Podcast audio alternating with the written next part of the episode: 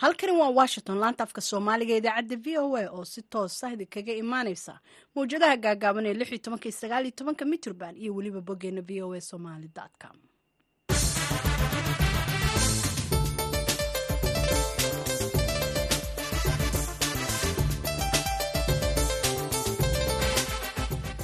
subax wanaagsan dhegeystayaal waa aroornimo talaado ah lix bisha janaayo sanadka labada kun iyo afariyo labaatanka. Idaacadda saaka iyo caalamka waxaa idinla socodsiinaya anigoo ah falastiin axmed iimaan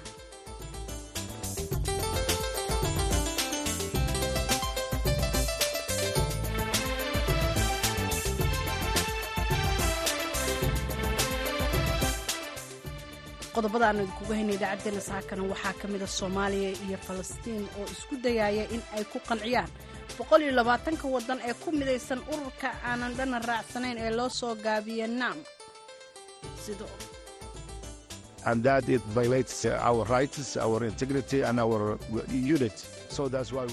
taasina waxay xadgudub ku tahay xuquuqdeenna sharafteenna iyo midnimadeenna marka waa sababta aannu dabada uga riixayno waxaanan aaminsanahay in nabaddii aynu haysannay ay sii socon doonto. Haddii ayna garab istaagaan dhaqdhaqaaqan madaxa bannaan. Sidoo kale waxaannu idiin haynaa kenya oo dadaallo wadda ay ku doonayso siday wax uga qaban lahayd sare u kaca dhanka maciishadda iyo nolosha. Kanadana waxay dhimaysaa ardayda waxbarashada u timaada dalkaasi si loo yareeyo qiimaha guryaha waddankaasi oo cirka isku shareeray. Marka horese ku soo dhowaada warkii caalamka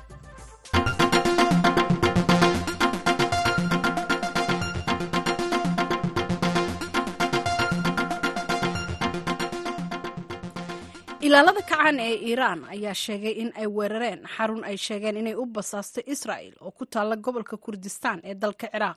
Sida ay sheegtay warbaahinta dowladda iiraan goor dambe oo isniintii shalay ahayd halka ciidamada sida gaarka u tababaran ee iyana sheegeen inay duqeeyeen kooxda is ama islaamic state ee dalka suuriya gantaalada balistiga ayaa loo adeegsaday in lagu burburiyo xarumaha basaasiinta iyo isku imaatinka kooxaha argagixisada ee ka soo horjeeda iiraan ee gobolka ku yaal. Goor dambe oo caawa ah ayaa lagu yiri bayaan ka soo baxay ilaalada qaranka iiraan waxaana bayaankaasi lagu xusay hay'adda sirdoonka israa'el ee musaad marka laga soo tago weerarada ka dhacay meel waqooyi bari ka xiga caasimada kurdistaan ee erbil oo ah meel la degan yahay oo u dhow qunsuliyadda maraykanka ilaalada kacaanka waxay sheegeen in ay qaadeen weeraro ka dhana waxa ay ugu yeereen kuwa ka dambeeya howlgallada argagixisada ee iiraan oo ay ku jiraan kooxda isis.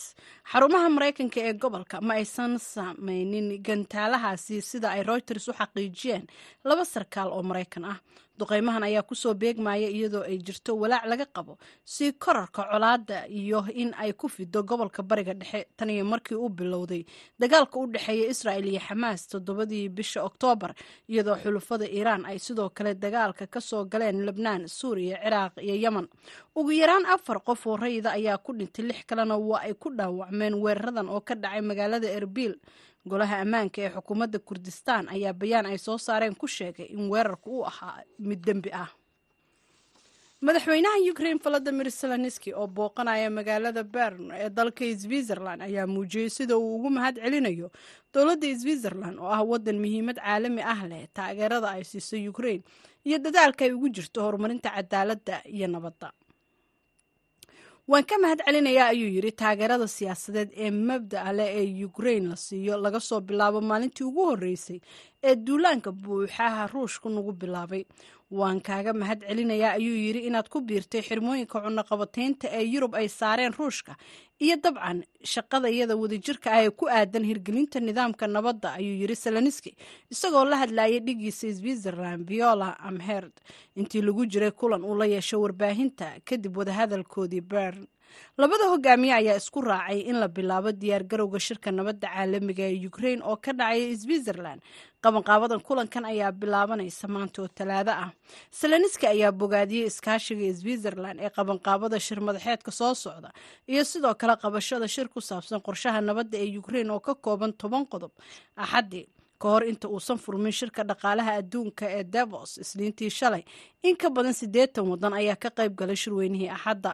Intii lagu jiray shirka jaraa'id selenisku wuxuu sidoo kale ku booriyey shiinaha oo ah xulufada ruushka iyo dal door muuqda ku leh awoodda caalamka inay ka qayb qaataan oo ay gacan ka geystaan? xalinta khilaafka kala dhexeeya ruushka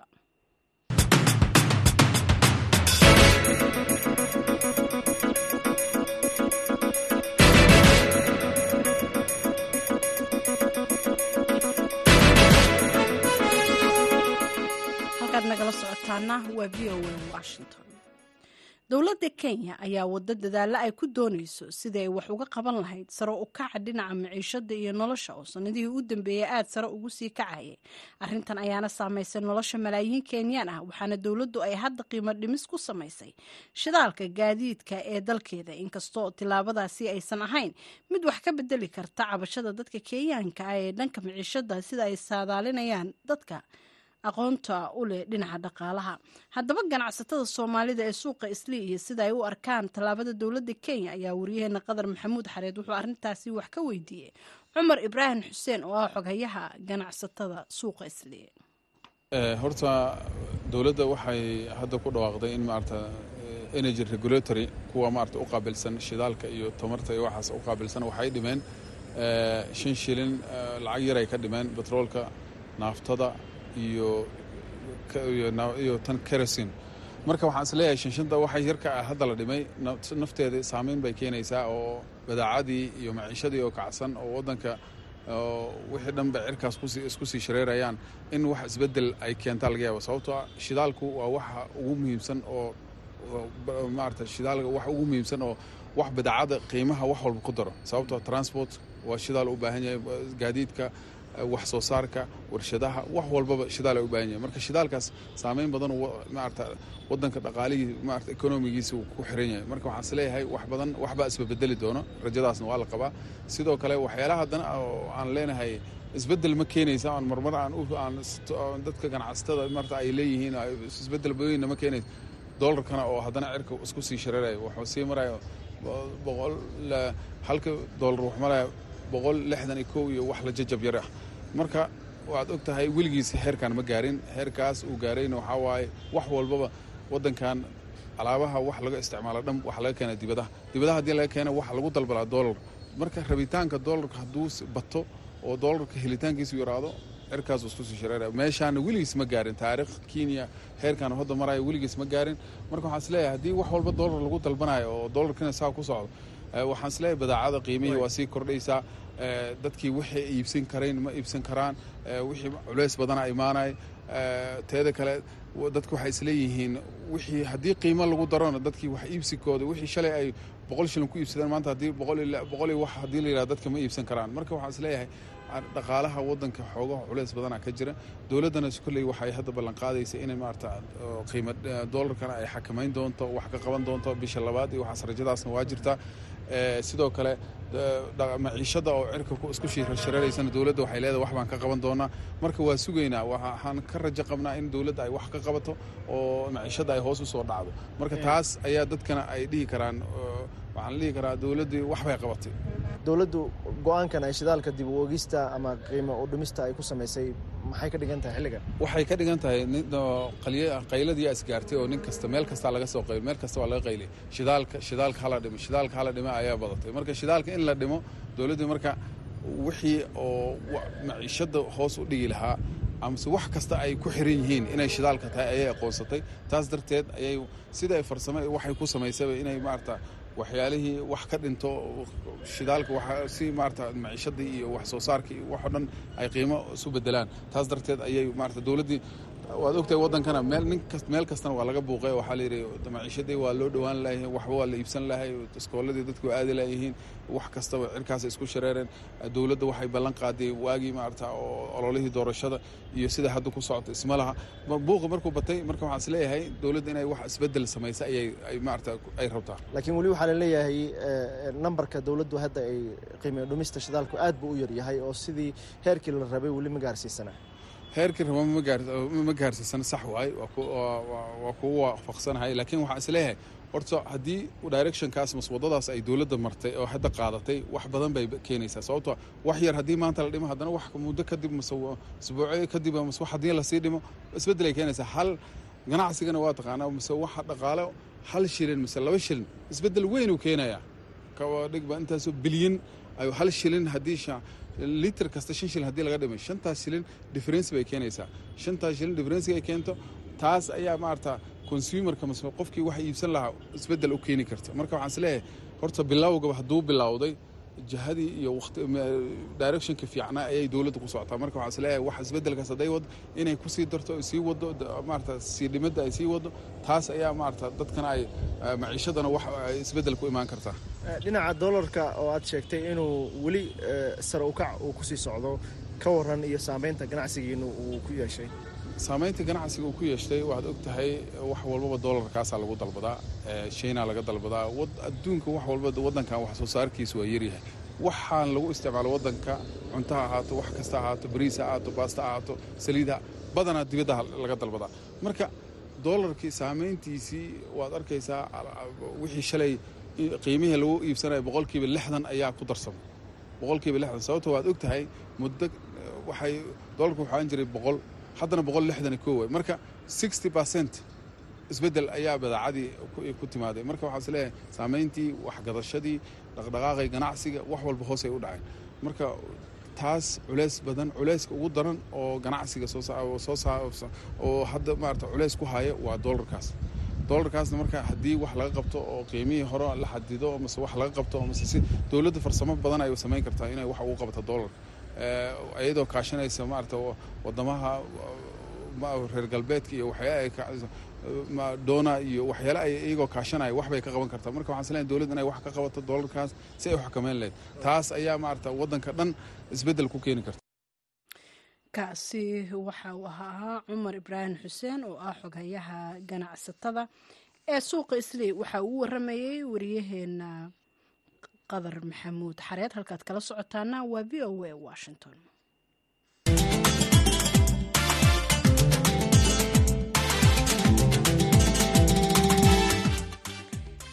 magaalada kambala ee caasimada dalka uganda waxaa toddobaadkan ka furmaya shir madaxeedka ururka aanan dhanna raacsanayn iyadoo wufuud ka kala socota soomaaliya iyo shacabka falastiin ay u ololeynayaan sidii ay taageero ugu heli lahaayeen ururkan iyadoo falastiiniyiintu ay ugu baaqayaan xubnaha ururkan inay raadiyaan.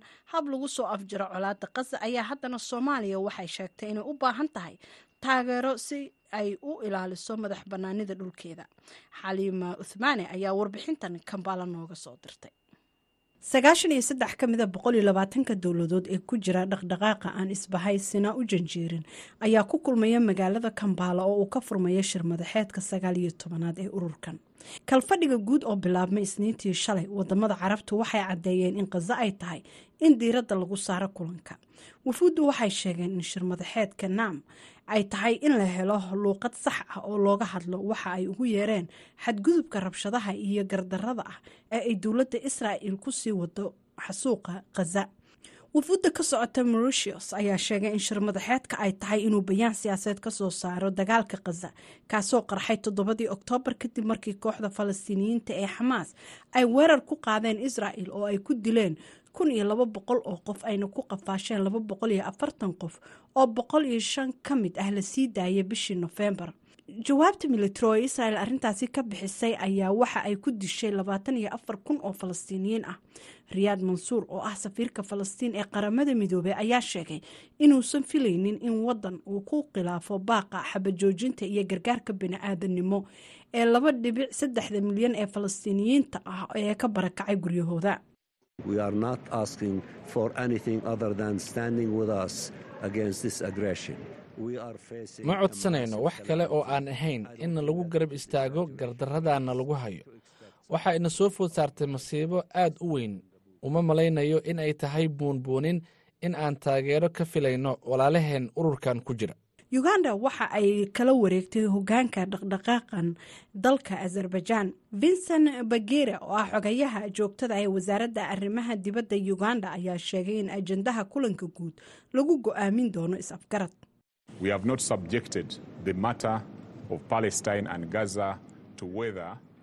Ma aanan go'aansan in arrinka khaza ee falastiin uu noqonayo mowduuca ugu weyn ee aan ka wada hadlayno iyo in kale marka uganda waxa ay xoogga saari doontaa inay abuurto iskuduubni gudaha dhaqdhaqaaqa ah si loo hubiyo in aan si midaysan u wada shaqayn karno innagoo eegayna wanaagga bani'aadamnimada ergooyinka ka socda soomaaliya ayaa iyaguna ku baaqaya in dhaqdhaqaaqan boqoliyolabaatanka dowladood ah ay taageeraan midnimada dhuleed iyo madax banaanida soomaaliya. Bishan horaanteedii ayay etoobiya heshiis la gashay somalilan oo ah gobol ka go'ay soomaaliya kaasoo etoobiya siinaya bad taa beddelkeeda etoobiya waxa ay aqoonsan doontaa somalilan in ay tahay dal madax bannaan xamse aadan xaadow oo ah xogayaha joogtada ee wasaaradda arrimaha dibadda soomaaliya ayaa yiri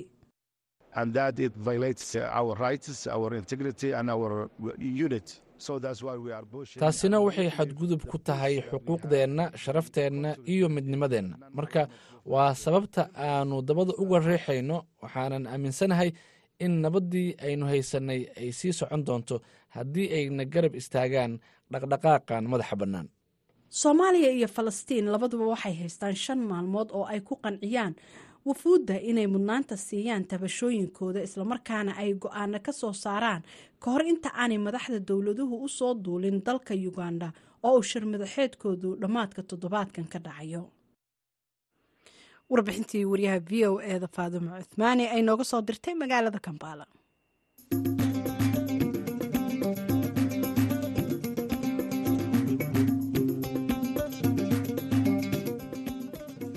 dowladda kanada ayaa waddo qorshe ay ku xakameynayso ardayda waxbarashada u doonta dalkeeda. Ku dhowaad hal milyan oo arday ah ayaa lagu soo waramayaa inay sanad walba dalkaasi ku tagaan qaab waxbarasho taasoo dadka qaar ay u arkaan inay qayb ka noqdeen dhibaatooyinka ay ka midka yihiin guryaha sii qaaliyoobaya.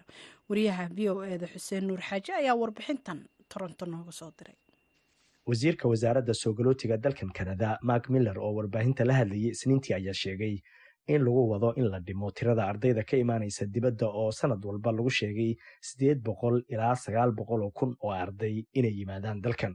Wasiirka wuxuu xusay in kanada ay ku faanayso inay tahay dalka ugu badan ee ay wax ka bartaan ardayda ka timaada dibadda. Wuxuu tilmaamay in ardaydaasi laga dhexlayo fikrado cusub laakiin ardaydaas qaarkood ayuu ku sheegay inay ku adkaatay nolosha kanada taasoo ugu wacan inay iska yimaadeen iyagoo aanan awoodin inay ku noolaadaan dalkan wasiirka socdaalka kanada mark miller wuxuu xusay inay qaadayaan arrimo ay ka mid yihiin xakamaynta dalkugalka ardaynimo.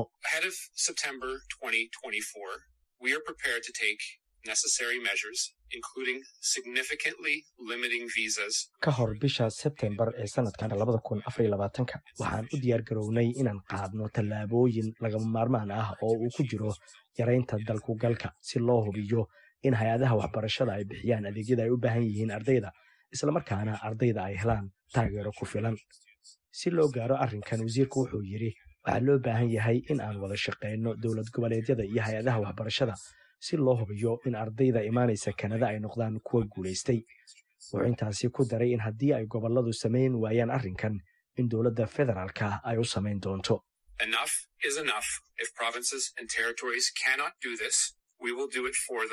bilowgii sanadkan wasiirka socdaalka kanada mark miller wuxuu ku dhawaaqay in lacagta ardayda waxbarashada u imaanaya dalkan laga doonayo inay haystaan sanadka u horreeya labaatan kun lix boqol shan iyo soddon dollar si ay u awoodaan inay ku noolaadaan dalkan taasoo horey u ahayd toban kun oo dollar.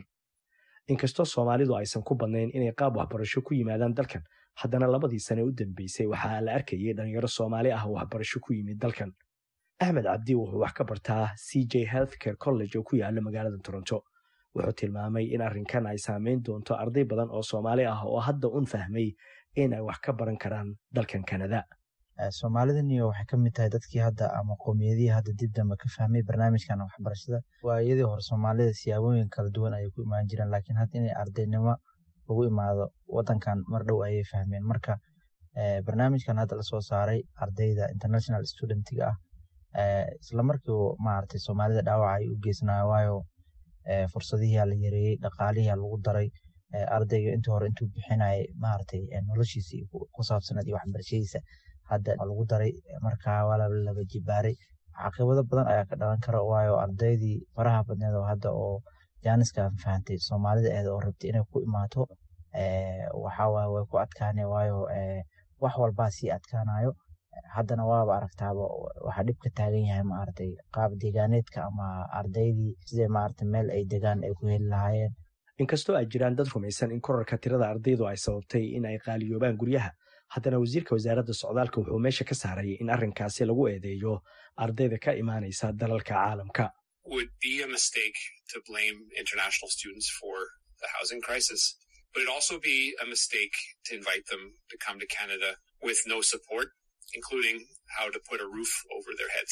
waxay noqonaysaa mid qalad ah in ardayda ka imaanaya caalamka lagu eedeeyo dhibaatooyinka ka taagan dhanka guryaha. Laakiin sidoo kale waxay noqonaysaa qalad in lagu casuumo inay yimaadaan kanada iyagoo aanan haysan taageero ay ku jirto inay helaan meel ay degaan. Taasi waa sababta aan uga rajaynayno hay'adaha waxbarashada in tirada la aqbalo ay u awoodaan in ay meel dejiyaan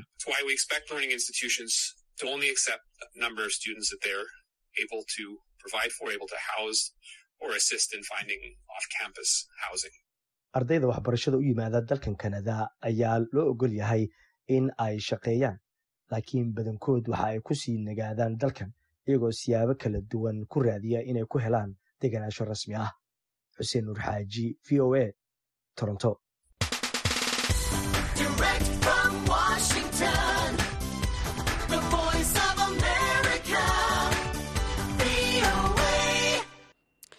waaxda socdaalka dalka gambiya ayaa bilowday ugaarsi ay ku baadigoobayso kooxaha muqallasiinta ee dadka tahriibiya. Kadib markii ay kordheen tirada dhimashada dadka gambiya ee isku dayaya inay ka gudbaan badweynta atlantiga si ay u gaaraan yurub qaar ka mida dadka soo laabta ayaa hadda qabanaya tababaro si ay runta uga sheegaan khatarta ay leedahay in ay dalka uga cararaan raadinta nolol wanaagsan. Sanaanu toort ayaa warbixintan ka soo diray caasimada banjuul waxaa soo jeedinaya nuur xasan nuur ciyaartooyda kooxda kubadda cagta kajikali united ee ka dhisan magaalada banjuul ayaa xus ay sameeyeen. Ugu duceeyey saaxiibkood shariifo sane oo ahaa laacib ka tirsanaa kooxdani. Sane ayaa ku dhintay badda atlantiga bishii oktoobar xilli uu isku dayayey inuu gaaro yurub.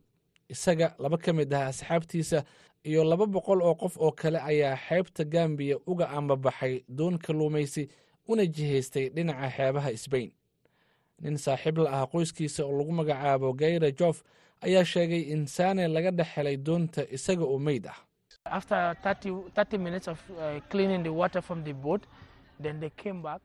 Kadib soddon daqiiqo oo ay biyaha ka nadiifiyeen doonta ayay dib u soo laabteen waxaana ay heleen isaga oo dhulka yaalla. waxay hubiyeen in uu neefsanayo iyo in kale laakiin waxay ogaadeen inuusan neefsanayn. Markaasi kadib ayay ku tukadeen salaada janaasada muslimiinta kadibna badda ayay ku tuureen meydkiisa waaxda socdaalka gambiya ayaa u sheegtay v o a in sannadkii labada kun saddex iyo labaatankii ay diiwaan geliyeen tiradii ugu badnayd oo muhaajiriin ah oo ka baxa gambiya una socdaalaya yurub. Waaxdu waxay sheegtay in qaar ka mid ah dadkaasi ay ku dhinteen badda atlantiga laakiin dowladda ma aysan shaacin tirada rasmiga ah ee dhimashada.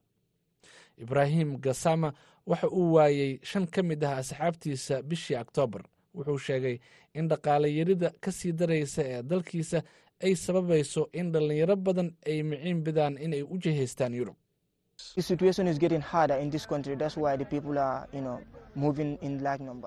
Xaaladda ayaa sii adkaanaysa dalkani taasi ayaana sabab u ah in dadka ay si aada u baxaan. Dalkan waxaana loo sheegaa in aan xoogga saarno waxbarashada. Waxbarashada kadibna aan heli doonno shaqo wanaagsan si aan u daryeelno qoyskeenna haa taasi waa run marka aad qalin jebiso. Halkan waxaa laga yaabaa in aad shaqo hesho laakiin su'aasha weyn ee taalla ayaa ah shaqadaasi ma ku filan tahay adiga iyo qoyskaaga. Qaar ka mid ah kuwa tahriibay ayaa dib ugu soo laabtay gambiya qaarkood ayaa ku biiray urur dhallinyaro oo ka soo horjeeda safarada aanan sharciga ku dhisnayn. Ururkan ayaa waxaa aas-aasay koox dhallinyaro ah oo hadda ka hor isku dayay in ay yurub u tahriibaan hadda waxay isku dayayaan in ay la dagaalamaan safarada khatarta ah sida tahriibka iyaga oo tababaro siiya dhallinyarada. Lamiin bojan waxa uu ka mid yahay xubnaha aas-aasay ururkan. Wuxuu ka sheekeeyey khibraddii uu ka kororsaday tahriib uu halis ugu galay inuu naftiisa ku waayo. Safarkani ma ahan mid fudud. Annaga wakhtigii aan baxaynay qofna nooma sheegin waxa jidka nooga horreeya waxaan u haysannay in waddadu ay tahay saxan qalin ah. Markaas ayaan ku hadaafnay oo aan baxnay. Sidaas darteed ayaan isdhahnay marka aan soo noqonno sameeya wacyigelin si aan u tusno in kani uusan ahayn dariiq sax ah. Dowladda gambiya ayaa sheegtay in xeebaheeda ay geysay ciidamo roondeeya iyo kaamirooyinka afar iyo labaatan saac waxduuba si ay u ugaarsadaan muqallasiinta iyo kooxaha kale ee ka ganacsada tahriibka. Si loo yareeyo safarada halista badan ee ay muhaajiriinta uga baxaan dalkaasi dhaca galbeedka afrika si ay nolol wanaagsan uga helaan dhinacaas iyo yurub. Mahadsanid nuur xasan nuur oo warbixintaasi noo soo jeedinaya. Halkaad nagala socotaana waa v o a washington. Markana dhinacii heesaha waxaanu idiin soo qabanaynaa codadka macaan ee qadar fiyoore iyo jaweeriye janno. Heesta caashaqa ee soo rida waxaa naga xasuusinaa heestaasi waxaa horey u qaaday fanaanka ee banaxariistii jannaha ka waraabiya axmed mooga liibaan iyo sidoo kale fanaanada sahre axmed jaamac qof jacaylku ray galaayo rugiya ka xidhan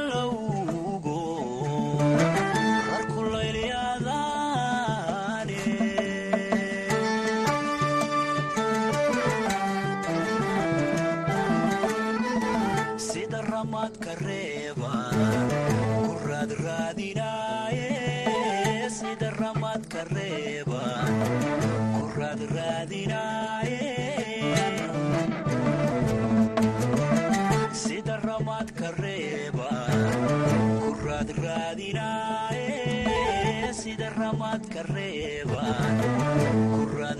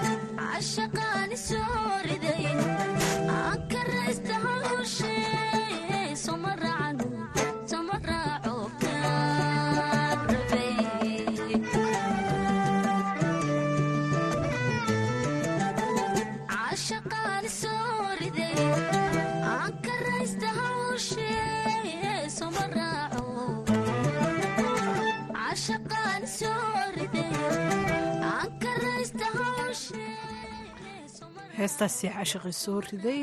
Waxay gabagabo ahayd idaacaddeenii aroornimo intaan mar kale hawada ku kulmi doono. Waa dhammaan v o a oo idinla nabadgelyo